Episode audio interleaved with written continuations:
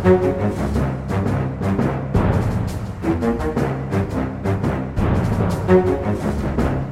kjører vi på med en ny episode av Aftenpodden USA. Og som vanlig med oss fra Oslo har vi Kristina Pletten. God dag, god dag. Hei, Øystein. Det har kommet meg for øre at uh, du tilbringer en del tid i Frognerparken om dagen med din hund. Og det er jo ikke sånn at man blir sånn superkjendis av å ha sin egen pod, men den hunden din har tydeligvis blitt en kjendishund. Vel, vel. Hvordan har det seg? Bernie blir gjenkjent på gaten, og senest i dag, når vi var ute og gikk tur i lunsjen, så var det en hyggelig mann som, eh, som stanset meg, og eh, vi hadde en liten prat om eh, hunder og podkasten vår og ja, litt sånn løst og fast. Ja. Så Bernie blir Men det er ikke første gang Nei. Det har også skjedd før, når folk har hørt at jeg kaller han Bernie. og sånn. Så um, ja, hvis noen føler at de ser meg og Bernie, så er det bare å komme opp og si hei. Det er bare hyggelig. Og gi litt ris eller ros, for den saks skyld. Ja, ja, ja. Men det er jo veldig stas å ha en kjendishund, og denne kjendishunden har jo faktisk også en Instagram-konto med ikke millioner av følgere, men den har noen følgere. Jeg er blant annet en av de følgerne. Bernie Ja. the Cobber Dog heter den konto, så det er jo lov, lov å følge den. Absolutt. Alle er velkommen til å følge Bernie the Cobber Dog på Instagram, der han legger ut mye bilder av seg sjøl, vil jeg si. Han er litt selvopptatt.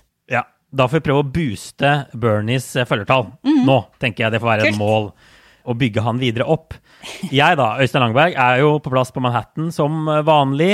Her så skjer det ikke sånn ekstremt mye. Vi har begynt å smake litt på livets gleder igjen. Vi har vært på hylende morsom standup rett borti gata her. Så ting er tilbake, eller på vei mot normalen, da. Selv om Fauci eh, senest i dag sa at eh, våren 2022 er det nye tidspunktet hvor ting kanskje kan bli som normalt. Så er det vel ulike definisjoner av hva som er, hva som er normalt. Men Kristina, i dag så tenkte vi å snakke litt om hvordan vi får kalle det superliberale, venstreorienterte California kan ende opp med å få en superkonservativ guvernør om bare noen få uker. Eh, Og så skal vi snakke litt om Californias utfordringer, og hvordan denne staten, som jo var et sånt amerikansk forbilde, og på mange måter er det for mange fortsatt, er blitt en sånn huggestabbe for høyresiden. Hvor, eh, hvor kritikken hagler. Men først får vi snakke litt om hva som har skjedd siden sist. Og det er jo ingen tvil om hva som dominerer nyhetsbildet i USA, og har gjort det den siste uka, og det er jo Afghanistan. Så du kan jo si litt først. Hva er det som skjer der nå, egentlig? Nei, altså det går jo evakueringsfly for eh, fullt ut av Afghanistan. Eh, Det har vært en intens uke med, tror jeg, arbeid på spreng for å få både folk til flyplassen og få, stappet disse flyene så fulle som mulig og få folk ut av Afghanistan. Og bare det siste døgnet så har amerikanerne evakuert over 20 000 mennesker. Det er egentlig helt utrolig. Og så er det jo sånn at as we speak så har eh, Biden og Taliban kunngjort at 31. august er en slags deadline for å avslutte denne her evakueringsprosessen som foregår, og det har skapt en del nervøsitet, tror jeg, hos mange allierte. Så der er en dialog på gang mellom eh, USA og Taliban og USA og europeiske allierte, og så får vi se hvordan dette her går nå den neste uken, men jeg tror det er mye nerver på høykant eh, mange steder i mange land akkurat nå. Ja, og, og kanskje særlig i Det hvite hus. Vi snakket jo om dette i det forrige uke, og den episoden kan man fortsatt høre på. Jeg vil si den står seg bra om, om Bidens popularitet, blant annet, som president. Den var på vei ned før Afghanistan. Den har fått et skikkelig fall den siste uken. Man kan ikke si annet. Sist jeg sjekka nå, så er det omtrent like mange som synes Biden gjør en dårlig jobb som god, og det er første gang han er i nærheten av det i sitt presidentskap. Eh, Og de er da enda mer kritiske til Bidens uttrekking fra Afghanistan enn de er til hans jobb som president mer generelt. Så det er ingen tvil om at dette måte, skader ham på kort sikt. Og så har han på en måte ett lys i tunnelen, og det er at jevnt over fortsatt så støtter amerikanerne ideen om å trekke seg ut. Og de synes denne krigen var en grunnleggende dårlig idé, og det viser meningsmålingene fortsatt. Så det er ikke sånn at liksom alt håp er ute for Bidens presidentskap av det her. Men, men f.eks. neste ukas håndtering vil helt sikkert ha ganske mye å si. Og hvor, hvor røft det blir de der siste dagene med å få folk ut, og hvor mange han får ut. Ja, og de har jo eh, kommandert ut noen kommersielle fly, faktisk. Ikke til Afghanistan, men eh, til Dubai, tror jeg, som skal eh, hjelpe mm. med evakueringsarbeidet, da. Og det er nok heller ikke tilfeldig at vi får sånne storyer som at de har evakuert 20 000 mennesker på et døgn. De er nok veldig opptatt av nå å skape et nytt narrativ om at dette her går effektivt og smooth, og ja. på en måte at de har kontroll, da bilder av soldater med barn istedenfor afghanere som faller ned fra fly. Mm. Det er jo to ganske forskjellige bilder, og det er definitivt sånn PR-operasjon her på ett nivå også. Absolutt. Ja, siste punkt er eh, korona i USA, og nå er det sånn at landet har gitt sin endelige godkjenning til denne Pfizer-vaksinen. Frem til nå har det egentlig vært en sånn nødgodkjenning, og håpet er at denne endelige godkjenningen skal gi flere måte, de argumentene de trenger da, for å gå og ta den. Det er en god del folk jeg har snakket med som sier at de ikke vil ta den, for det har gått så fort. Og de har sagt at de venter på denne godkjenningen, og så får vi se om de faktisk mener det. da. Men det gjør i hvert fall at flere arbeidsplasser nå innfører obligatorisk vaksinasjon. Nå føler de at de har det de trenger, da, lovmessig juridisk, for å presse arbeidstakerne sine til det. Blant annet Pentagon, lærere i New York må nå ha vaksinen for å, å komme på jobb. Og så har USA bestemt seg for å gi befolkningen en tredje dose fra slutten av september. Så da kan jeg da kanskje snart få min tredje dose med, med koronavaksine. Bra, da tror jeg vi bare går til vårt uh, hovedtema, Kristina. California. Det er jo sånn at denne største delstaten i USA nå står midt oppi et opprivende, ekstraordinært og veldig rart valg. På engelsk kaller det recall election, som er en slags folkeavstemning over guvernøren skal fortsette eller ikke. Og i samme slengen hvis han ikke får fortsette, skal de bestemme hvem som skal ta over. Alt skal gjøres på én stemmeseddel 14.9. Eh, det er litt komplisert, det her. Jeg skal bare gå gjennom prosessen sånn veldig kjapt nå, men det er en gammel regel som sier at velgerne kan fjerne en guvernør midt i perioden gjennom en sånn folkeavstemning. Og for å få i gang det, så må de da få 12% av velgerne fra forrige valg til å underskrive på det. Så de har drevet en stor innsamlingsaksjon av underskrifter. Og denne 12 %-grensen er lavere enn i mange andre stater, som gjør at denne recall-valget da, er mulig å få på plass litt enklere. De har egentlig veldig kort tid på seg til å hente de underskriftene, men de fikk litt lengre tid pga. pandemien. Og det var nok derfor de også kom i mål, da, fordi de fikk disse ekstra ukene og månedene på seg. Og så er det også sånn at uh, demokratenes guvernør, som sitter i dag, Gavin Newsom, han skal vi komme tilbake til, da, men han tråkket skikkelig i salaten som jo nok også gjorde at de fikk disse nødvendige underskriftene da, til å få dette valget på plass. Så 14.9 så skal folk i California ta stilling til to spørsmål.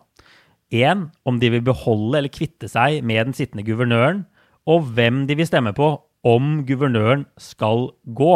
Og det som er litt spesielt med den prosessen her, da, er at Newsom kan få 49% av stemmene, han men da vil han likevel miste jobben. Så han må altså få over halvparten til å si at ja, vi vil at du skal fortsette. Men på det andre spørsmålet så er det en hel haug med kandidater. Der får ikke Newsom lov til å stille opp. Men på det andre spørsmålet, altså hvem som skal ta over hvis han mister jobben, så er det 46 stykker som har stilt opp. Og der er det ikke sånn at du må ha 50% der er det den som får flest stemmer, som blir da Californias neste guvernør. Og mye tyder jo på at disse stemmene blir slag, tynt spredd utover. Så det betyr at en, en kandidat potensielt kan bli guvernør med 10-15% av stemmene bare. Og det kan være da en, en som vi må kunne kalle f.eks. var en nobody inntil veldig nylig. Så Kristina, det var oppsummeringen. oppsummering. Altså, hva er det som har skjedd der? Hvordan har demokratene satt seg i denne situasjonen hvor Newsom for det første er oppe for valg, og for det andre risikerer å bli kasta? Altså, dette her er jo en del av koronapakken som du nettopp snakket ja. om. Det, dette handler jo om eh, munnbindkrigene og hele denne her eh, kulturkrigeksplosjonen som har skjedd. Egentlig og bare ballet på seg og på seg da, siden koronaen brøt ut. Folk, eh, jeg leste i går at folk angriper lærere fysisk som kommer eh, med sånn munnbind på skolen og river, river av de munnbindene. Og en lærer har blitt slått til blods. Så det er jo noe som har skjedd i USA med denne her konflikten mellom smittevern og personlig frihet som har blitt så utrolig mye mer betent enn noen andre steder. Vi har hatt litt tilløp til det i Norge, men der har det liksom vært en liten gruppe som har stått foran Stortinget og brent noe munnbind og sånn. Men i USA mm. virker det som det har bare liksom blitt sugd opp av der, eh, de frontene som allerede var der. Og, og selvfølgelig med Trump og, og alle hans eh, lakeier eh, som har helt masse bensin på dette bålet, da. Og, og Ja. har egentlig gjort det til, eh, til liksom sånn eh, et slags eh, personlig frihetskamp. Som jeg tror er det som ligger under at de har klart å få i stand denne her recall, tilbakekallingsprosessen mot Newsom. Det er egentlig helt utrolig at det har skjedd, men det har det. Og eh, så får vi se Ja. hvordan det går. Ja, vi får se hvordan det går. Men altså, det, det var, det du må ha Det er jo altså, republikanske aktivister som har greid å samle inn disse 12 prosentene da, som de trengte fra forrige valg. Det er jo øh, ganske mange underskrifter. Så det viser at de er motivert, og jeg tror korona er helt avgjørende. Og så er jo dette et valg som Newsom burde vinne veldig enkelt. Altså, dette er en superdemokratisk stat. Joe Biden vant denne staten med 63 av stemmene. Trump fikk bare 34. Newsom vant også klart da han ble valgt til, til guvernør i 2018. Men så viser meningsmålingene da at det er ikke sikkert dette går så lett likevel. Fordi altså Newsom som sagt, må ha da 50% av stemmene for å få fortsette jobben. Og meningsmålingene viser per nå omtrent dødt løp, altså 50-50. Som er ganske utrolig. Og en helt sånn konkret da, covid-hendelse som trekkes fram, og som kanskje forklarer hvorfor republikanerne er så motiverte og demokratene ikke er så motiverte, er en sånn middag som Gavin Newsom hadde midt under lockdownen i fjor, hvor han egentlig brøt sine egne koronaregler ved å spise middag maskeløs på en sånn superfancy fransk restaurant, en av de dyreste restaurantene i California, i Napa Valley. En stor gruppe som i tillegg var bursdagen til en sånn lobbyist som man kjenner. Så det så bare ikke bra ut. Virket helt out of touch og bekrefter egentlig liksom velgernes verste fordommer om Newsom. Som at han er en slags Han er på venstresiden, men han er litt sånn champagnesosialist da, fra liksom de øvre klasser og bryr seg egentlig ikke. Han skjønner ikke hvordan vanlige folk har det. Og det har nok vært er nok med å forklare disse meningsmålingene, tror jeg. Altså Hvorfor republikanerne er åpenbart supermotivert, og demokratene, hvis de ikke går ut og stemmer, så risikerer de da å miste guvernøren. Newsom har jo vært en sånn golden boy i hele sin politiske karriere. Han har vært eh, ordfører i San Francisco, og han var vel viseguvernør før han ble guvernør. Og, har, eh, og fun fact, han har vært gift med Kimberly Guilfoyle, som nå dater eh, Donald Trump jr. Så han er en sånn der eh, Jeg kan ikke kalle han playboy, men han er jo en sånn veldig pen og veldig sånn En fyr som på ingen måte kan selge seg sjøl som, som folkets mann, da. Sant? Og det blir så veldig De kontrastene blir så store, og de blir så forstørret med hele koronasituasjonen. Og, det å gjøre noe sånn som det du beskriver, det, det er klart at det tenner fyr under beina på veldig mange republikanere. Og så er det jo også sånn at California er en kjempestor stat med nesten 40 millioner mennesker, og det er veldig dyrt å drive valgkamp i, i California. Den dyreste staten å drive valgkamp i, for det er mange markeder og TV-stasjoner. Og de eh, TV-stasjonene i San Francisco og Los Angeles f.eks., det koster det veldig mye å drive valgkamp og, og kjøre annonser.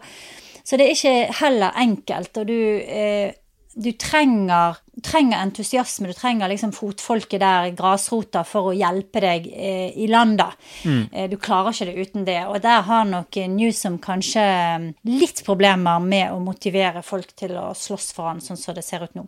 Ja. Og vi må bare si at dersom Newsom blir kasta her da, og ikke greier å få disse 50% han trenger i det valget, her, så er det bare en enorm smell for demokratene. Det er ikke noen annen måte å, å, se det på. Det vil gi republikanerne et, et, kraftig løft. Og republikanere i hele USA er opptatt av det her. Jeg husker jeg var oppe i Wyoming eh, tidligere i år, så, så, snakket de om dette California recall-valget der oppe. Så de ses på som sånn veldig symbolsk. Det vil antageligvis reflektere ganske dårlig på Biden hvis de klarer å miste, miste det her. Kanskje det tar litt sånn luft ut av seilene hans. Og i verste fall, altså det, det, kan få veldig store konsekvenser. Da. I verste fall så kan demokratene miste f.eks. flertallet i Senatet. For det er jo sånn at en republikansk De har veldig mange, vi har snakket om det før. USA har mye gamle senatorer. Hvis noen av de faller fra, så er det mange stater som, hvor, hvor altså, guvernørene kan bare utpeke nye senatorer. Og hvis da California, demokratiske California har en republikansk guvernør, så plutselig har republikanerne flertall i, i Senatet. Så det er bare liksom et eksempel på konsekvensene det kan få. da. Og dette er jo sånn ting demokratene bruker til å forsøke å skremme velgerne sine til å få opp øynene eh, og til å stemme. Og de håper jo å komme i mål her, at entusiasmen skal gå opp. Det er et valg hvor de stemmer i post per post igjen. Så de håper at folk bare vil utfylle denne stemmeseddelen, sende inn og si 'behold Newsom'. Det er det vi ønsker oss. Og det burde gå an på papiret ganske enkelt. En av de senatorene er jo Dianne Feinstein, som er nærmere 90 år. Hun er vel rundt 88 eller noe sånt. Og det har gått rykter om at hun eh, begynner å bli litt eh, svekket på, på, både den ene og den andre måten. Så der, der er jo faktisk en reell sjanse for at, eh, at det kan skje, da. At ja. en eventuelt republikansk guvernør vil kunne utpeke en, en republikansk senator der. Det, det betyr kjempemasse. Ja. Det betyr kjempemasse. Og så er det jo en sånn liten sånn skremsel fra historien Vi kan ikke kalle det skraphaug, da, men fra historien, den politiske historien i California som demokratene har friskt i minne. Mm. Dette er ikke første gang. Sånne recall-valg er veld, de, er så, de, kommer ikke så veldig ofte, men det har skjedd før i California. Det var i 2003.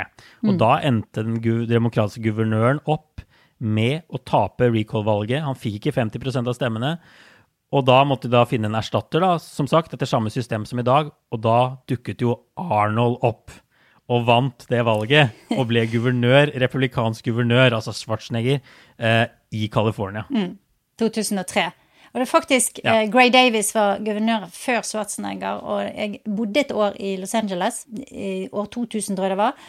Og da var Gray Davis eh, guvernør. Det var ganske mye trøbbel i California også på den tiden, annet med eh, strømnettet det, de hadde sånne rolling blackouts, og det var veldig uklart. Og det var så mye kluss med delstatens økonomi. Så det var mm. på en måte sånn litt eh, en litt annen situasjon, men likevel så var det, tror jeg, ganske overraskende også den gangen at Davis Davies hadde, hadde, ganske nylig blitt gjenvalgt, og så ble han altså kastet på en recall. Ja. Og det har fått masse kritikk dette recall-systemet, fordi det jo er sånn at Newsom kan få 49% av stemmene bli kastet, og så kan en annen person Det kan også være en demokrat på papiret, ha 10% som sagt, og så bli valgt. Og da vil jo det se veldig rart ut at en person med 10, 10 oppslutning tar over som guvernør eh, mot en som fikk 49. Men sånn er altså systemet. Og demokratene har da valgt å si sånn stem Newsom, og så stem blankt på, på, nummer to. Så de stiller egentlig ikke så veldig mange sånne alternative reservekandidater for Newsom. Og noen mener det er en stor smell, da, mens republikanerne da stiller jo i hopetall. Som sagt, 46 kandidater stiller opp. Caitlyn Jenner, kjent fra The Kardashians, er en av de mest kjente. Hun har ikke fått så mye vind i seilene, ser det ut til. Men en som har fått det, er en som heter Larry Elder, altså en svart, konservativ radiostjerne. Eh, Trump-supporter, klassisk sånn Han er vel egentlig han er superkonservativ, egentlig nei, mer sånn libertariansk. Han er imot munnbind, han vil fjerne vaksinepåbud. Han har i hvert fall uttrykt noe klimaskepsis. Han tror ikke på sånn gender pay gap, altså at kvinner blir betalt dårligere enn menn. Han vil avskaffe minstelønnen, f.eks. Så han er jo på motsatt side av ekstremt mange innbyggere i California. Så hvis de, klart, hvis de ender opp med han, så er det nok mange som vil eh, Det vil være helt oppsiktsvekkende. Ja. Så har jo California òg eh, de siste produsert kanskje den mest eh, kjente og mest betydningsfulle republikaneren de siste 50 årene, nemlig Ronald Reagan, som også mm. var guvernør i California og som egentlig på 80-tallet var med på å endre USAs økonomi, og også sammen med Thatcher egentlig med på å starte en helt sånn ny epoke i vestlige land, med en ny type eh, økonomisk tankegang. Love it or hate it, men eh, det er ubestridelig faktum at eh, Reagan var, var, en sånn, var et vendepunkt i USA på mange måter. Ja, Nemlig. Og det, og det, jeg hører med til historien her altså California var en trygg republikansk bastion i tiår etter tiår etter tiår. Mm. Og så var det en sånn brytningstid, og nå er det demokratisk for alle penga. Nancy Pelosi er derfra, du nevnte Dianne Feinstein. Eh, Visepresident Kamala Harris er fra California. De har jo fostret opp mange av de liksom, mest profilerte politikerne i USA i dag, rett og slett. Mm. Ja, og mens eh, Reagan var, var jo LA-skuespiller og kom fra faktisk eh, leder av fagforeningen til skuespillerne, eh, så er jo både Campbell Harris, Nancy Pelosi og Gavin Newsom egentlig fra samme sånn miljø da, i San Francisco, som har etter hvert fått mye makt i Det demokratiske partiet og fått opp mange profiler som har mye innflytelse og også mye penger i ryggen. Life is made up of many gorgeous moments. Cherish them all, big and small, with Blue Nile. Whether it's for yourself or a loved one, Blue Nile's unrivaled selection of expertly crafted fine jewelry and statement pieces help make all your moments sparkle. Blue Nile's experts are on hand to guide you, and their diamond guarantee ensures you get the highest quality at the best price. Celebrate a life well lived in the most radiant way and save up to 30% at BlueNile.com. That's BlueNile.com.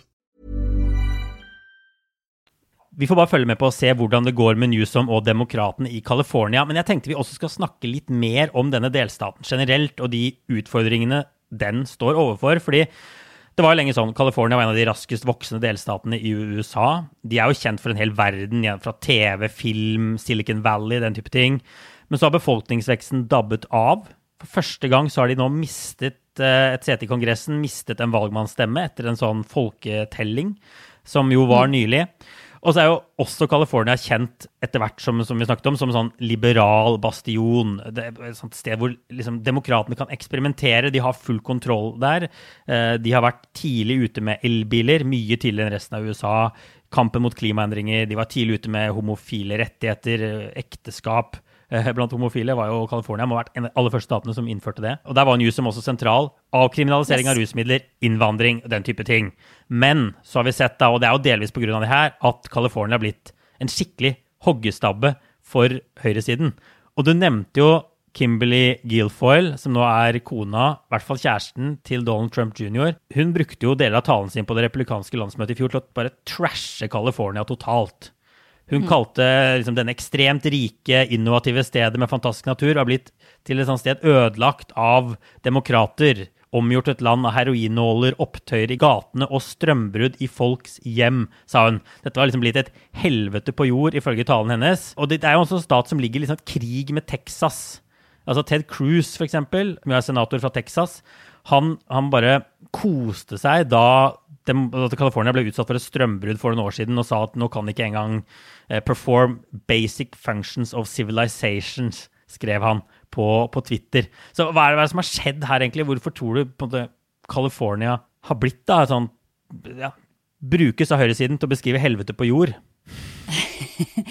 jo, altså én ting er jo det at de har hatt uh, denne uh, store makten da i Det demokratiske partiet, at de har fått opp alle disse profilene, og de har også pengene fra Silicon Valley, og egentlig hele tankegodset fra Silicon Valley er jo i stor grad fusjonert med venstresiden i amerikansk politikk. Og så har de jo hatt en del ting som eh, f.eks. hjemløshet, som har vært et stort problem i California, der eh, demokratene har forsøkt å gjøre ting som kanskje ikke har vært eh, så veldig effektiv, for å si det sånn. da. Det, man har forsøkt å, å, å, behandle problemet med empati, for å si det sånn. Så det som har skjedd, er jo at flere og flere mennesker som er hjemløse også i, i statene rundt, har flyttet til California. De flytter til Los Angeles, Angeles, flytter til San Diego. Jeg var der for eh, noen år siden og eh, fulgte en hjemløs jente i et par dager. og var inne på disse shelterne og snakket med masse folk og så hvordan de hadde det. Og veldig mange av de hadde kommet fra andre stater fordi de visste at der fikk de et sted å bo. De får penger, de får helseforsikring, så de får hjelp til, eh, til ting, og de får medisiner gratis. Så ikke sant Det, det er jo eh, forferdelig å si at det er en en fiasko. og sånn, sånn, sett er det jo ikke det for de folkene som kommer, men det kommer veldig mange, og de klarer ikke helt å håndtere det. Så det bor fryktelig mange folk på gaten i de største byene i California. Og det er klart at det blir veldig synlig, og det blir, sånn, det blir jo en plage for veldig mange mennesker. Og i den andre enden av spektrumet så har du altså et eiendomsmarked som er så brennhett og det er så dyrt. Mm. Fordi at det er så mye penger, og fordi at de har vært så vellykket eh, med disse store industriene sine, at eh, såkalte vanlige folk, eller middelklassen, de, de, flytter ut. De flytter til Boise, Idaho, de flytter til Texas, de flytter til Colorado, og også lenger vekk til eh, mm. stater på østkysten. Sånn ja. at det som har skjedd, er at California har fått et innrykk av folk helt nederst og helt øverst på den sosiale rangstigen, og så flykter middelklassen ut. Og det gjør jo at samtidig som de har en eh, veldig liberal politikk, så har, får de en befolkning som ligner stadig mer på en ban bananrepublikk, hvis jeg kan bruke det litt sånn nedsettende uttrykket, det er jo kanskje litt politisk ukorrekt. Men uansett, det er Og det er et kjempestort paradoks. Ja, og jeg tror det er noe av kjernen. Så, så, republikanerne tar jo åpenbart altfor hardt i. California er fortsatt en veldig bra økonomi, det er veldig mye som går veldig bra i California, fantastisk innovasjonsevne og sånn. Men det er den der, mm. liksom, det demokratiske hykleriet som de av og til greier å sette fingeren på, og som er et snev av sannhet i hvert fall. Med Newsom som går ut, er en liksom venstresidens mann, men som da går ut og spiser på denne sykt dyre restauranten.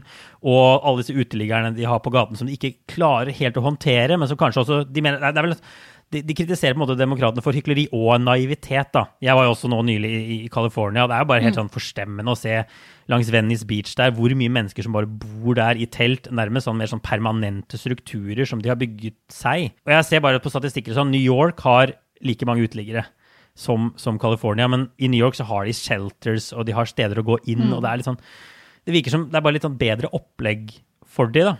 Og så har du også mm. dette boligmarkedet. som Det er jo noe som heter NIMBY, som er sånn Not in my backyard. Som mm. er sånn konsept som jeg tror også California har vært liksom lengst fremme på. Da, hvor, hvor liberale, rike California-folk gjerne vil liksom hjelpe, men de vil ikke ha sosialboliger i sitt nabolag. De vil ikke ha blokker i sitt nabolag. De vil ha disse flotte husene. De vil ikke ha sånn, sånn som i New York, da, masse blokker og, og, folk som bor tett på hverandre. De ønsker å bevare nabolagene sånn som de har vært. Og det er også litt av det kanskje hykleriet som, som man ser, og som er noe av problemet, og kjernen til problemene i, i California. Og så har du California har en veldig annen infrastruktur. Eh, så Bortsett fra San Francisco så er det jo veldig sånn bilavhengig delstat. Du kommer deg egentlig verken på jobb eller noen steder hvis ikke du har bil. Da. Det, eller det er i hvert fall kjempevanskelig og tar veldig mye tid. Ja. Så den er ikke rigget for at folk skal kunne leve uten å ha en viss levestandard med en bil og kanskje en, en leilighet eller et hus, da. Det er heller ikke så mye leilighetsbygg i California som det er i, i New York. Så det, det, er veldig andre, det er veldig andre premisser til stede. Og så samtidig så har de hatt en enorm innvandring fra eh, Mexico og andre lander i sør. Eh, de er vel nå hvite eller europeiskættede amerikanere er i mindretall, mm. og de har en kjempestor landbrukssektor som er avhengig av å få arbeidere inn fra Mexico oppover hele sentral-California, produserer jo enormt mye mat, blant annet. Så det er egentlig en sånn mer komplisert stat uh, enn en, en det man kanskje tenker på, da, med sånn Tenker kanskje at det er liksom Hollywood og Silicon Valley og masse strender og, og, ja. og god vin og gloria. Men den har egentlig en, en god del store utfordringer som som liksom ligger og ulmer under. I tillegg til at det faktisk også ulmer jo fysisk sett under der. For før eller siden så mener de at hele delstaten vil knekke av og rase i havet. så det er ikke lett å være Galvonia alltid. Nei, men det er, jo, altså det er jo et poeng. Nå har vi snakket om hjemløshet, ulikhet, forskjeller og disse NIMBYene som ikke vil ha, de vil ha, de vil hjelpe fattige, bare ikke akkurat der de bor selv. Men, men så har jo Californias trekkplasser vært klima til en viss grad. Altså, mm. Det er tørrere der, det er mye mye bedre klima enn det er liksom sørstaten og her på, på østkysten. Det er tørt og, og herlig og kjøligere og det er så Ja, og hele året egentlig veldig bra. Men, men så har de fått disse, disse brannene og denne tørken. Nå har det vært tørke der i flere år på rad. Det er, det er jo egentlig mm. veldig, veldig alvorlig, eh, det som skjer. Og de blir jo på en måte, det ser ut til å være en av de statene som blir hardest rammet av klimaendringer. Det vil jo gjøre staten på en måte mindre attraktiv på et eller annet nivå. da. Hvis huset ditt brenner ned for andre gang, på en måte, så er det ikke sikkert du bygger det opp gang tre. Nei, og vannmangel f.eks. Ja. kommer til å bli, og er allerede, et stort problem. Og hvis noen lurte på hva jeg snakket om når jeg sa det raser i havet, så ligger jo altså California på en sånn jordskjelv eh, faultline jeg husker ikke hva det heter på norsk. Så eh, man, vent, man, sitter jo egentlig bare og venter på at det, eh, store skjelvet skal komme. Ja, og det kan jo komme. Men det ser ut som i hvert fall klimaendringer på kortere sikt, da, uh, før hele, ja. hele, greia faller i havet, er, er, en, er en utfordring. Og så, og så, vi, så, henger jo alt sammen med alt. da. Silicon Valley utfordres på flere og flere områder av bl.a. byer i, i, Texas. Texas kjører jo De er jo en sånn konflikt med California. Litt sånn vennlig slash uvennlig sinnet kniving. Vesentlig lavere skatter, tiltrekker masse talent til eh, noen av byene sine. De store byene sine i Texas de vokser også mye raskere der enn de har gjort i California. Så det er også liksom noe de må følge med på. da. Det er jo ved et høyt skattenivå og vesentlig bedre velferdsordninger i California, men innad i et land som USA så risikerer man også å bli utkonkurrert når det er sånn.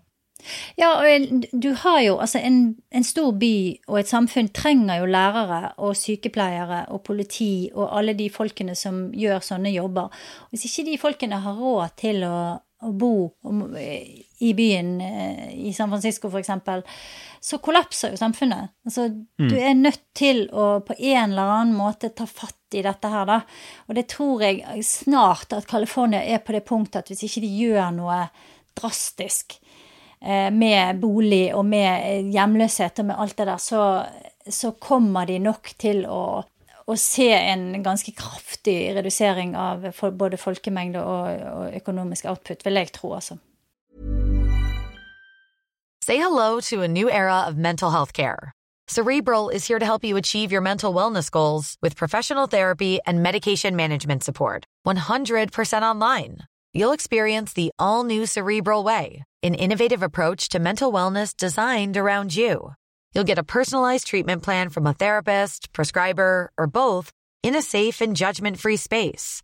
Your cerebral therapist or prescriber will outline a customized plan with clear milestones along the way so you can get to feeling your best. With Cerebral, you're not alone in your mental health journey.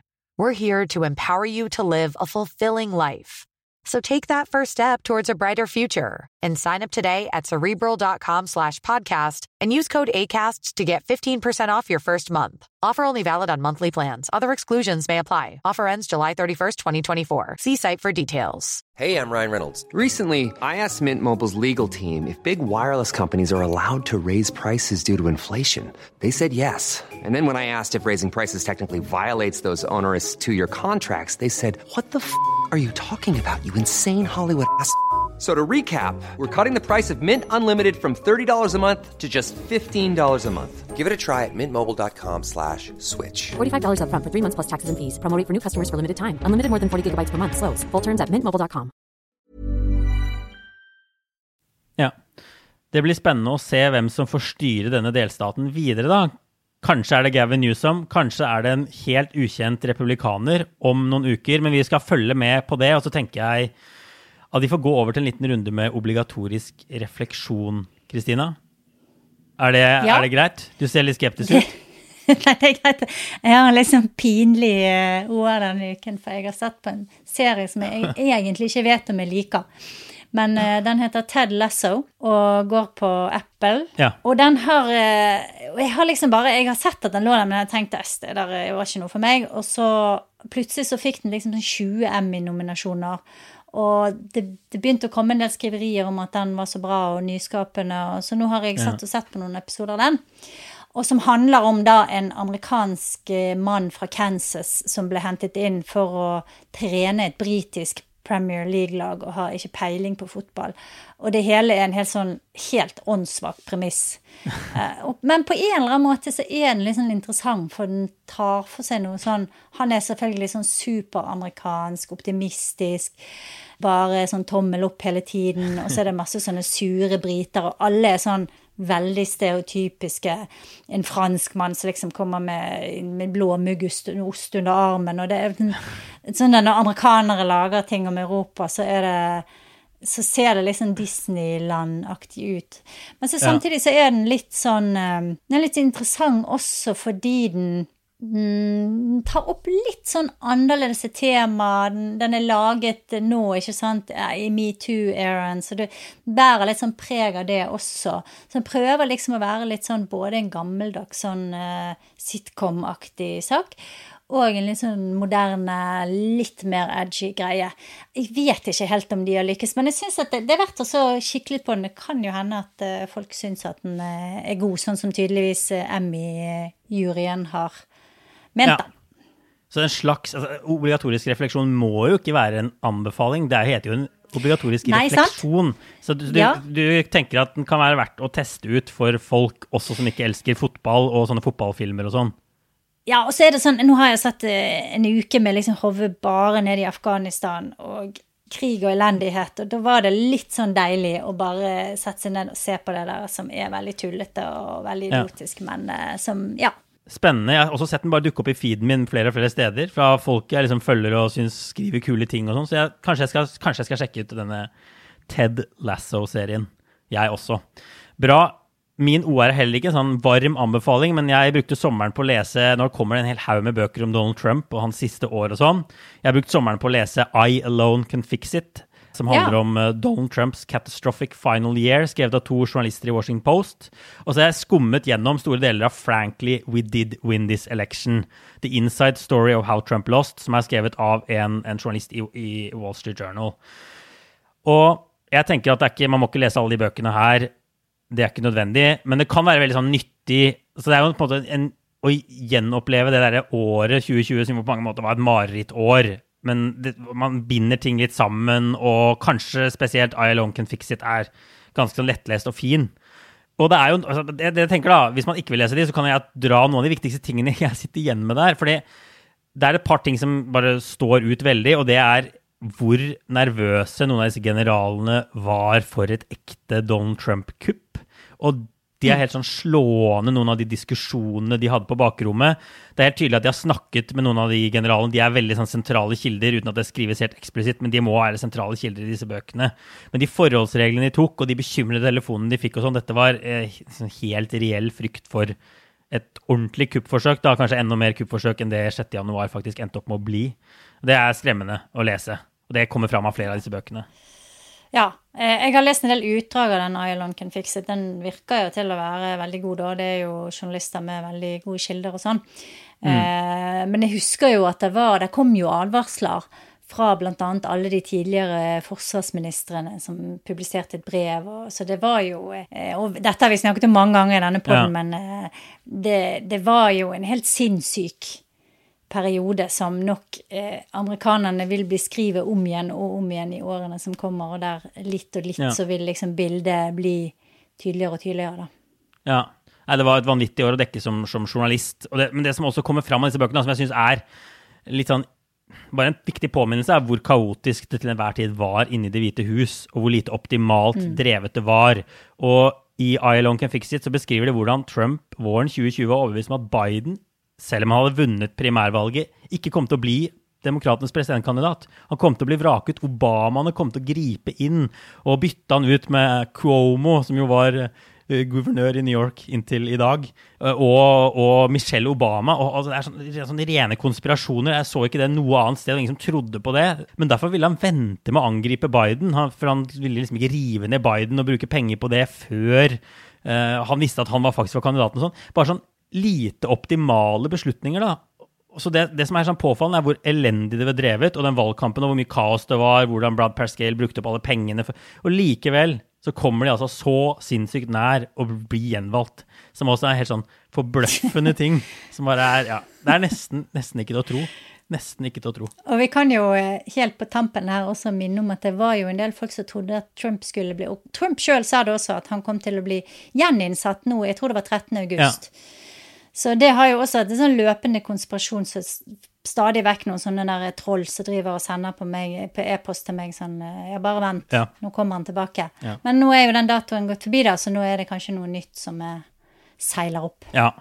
Nei, det er bare Det er eh, helt utrolig. Uh, det er, er nok ikke så mye som skulle til. Vi har snakket om det før. Før altså Biden antageligvis hadde tapt dette valget. Det er ikke så mye bedre beslutninger av Trump det siste året som skulle til for han fikk de nødvendige stemmene og hadde vært fortsatt president. Istedenfor å lure velgerne sine til å tro at han plutselig kommer nå i august eller september eller neste år og blir president.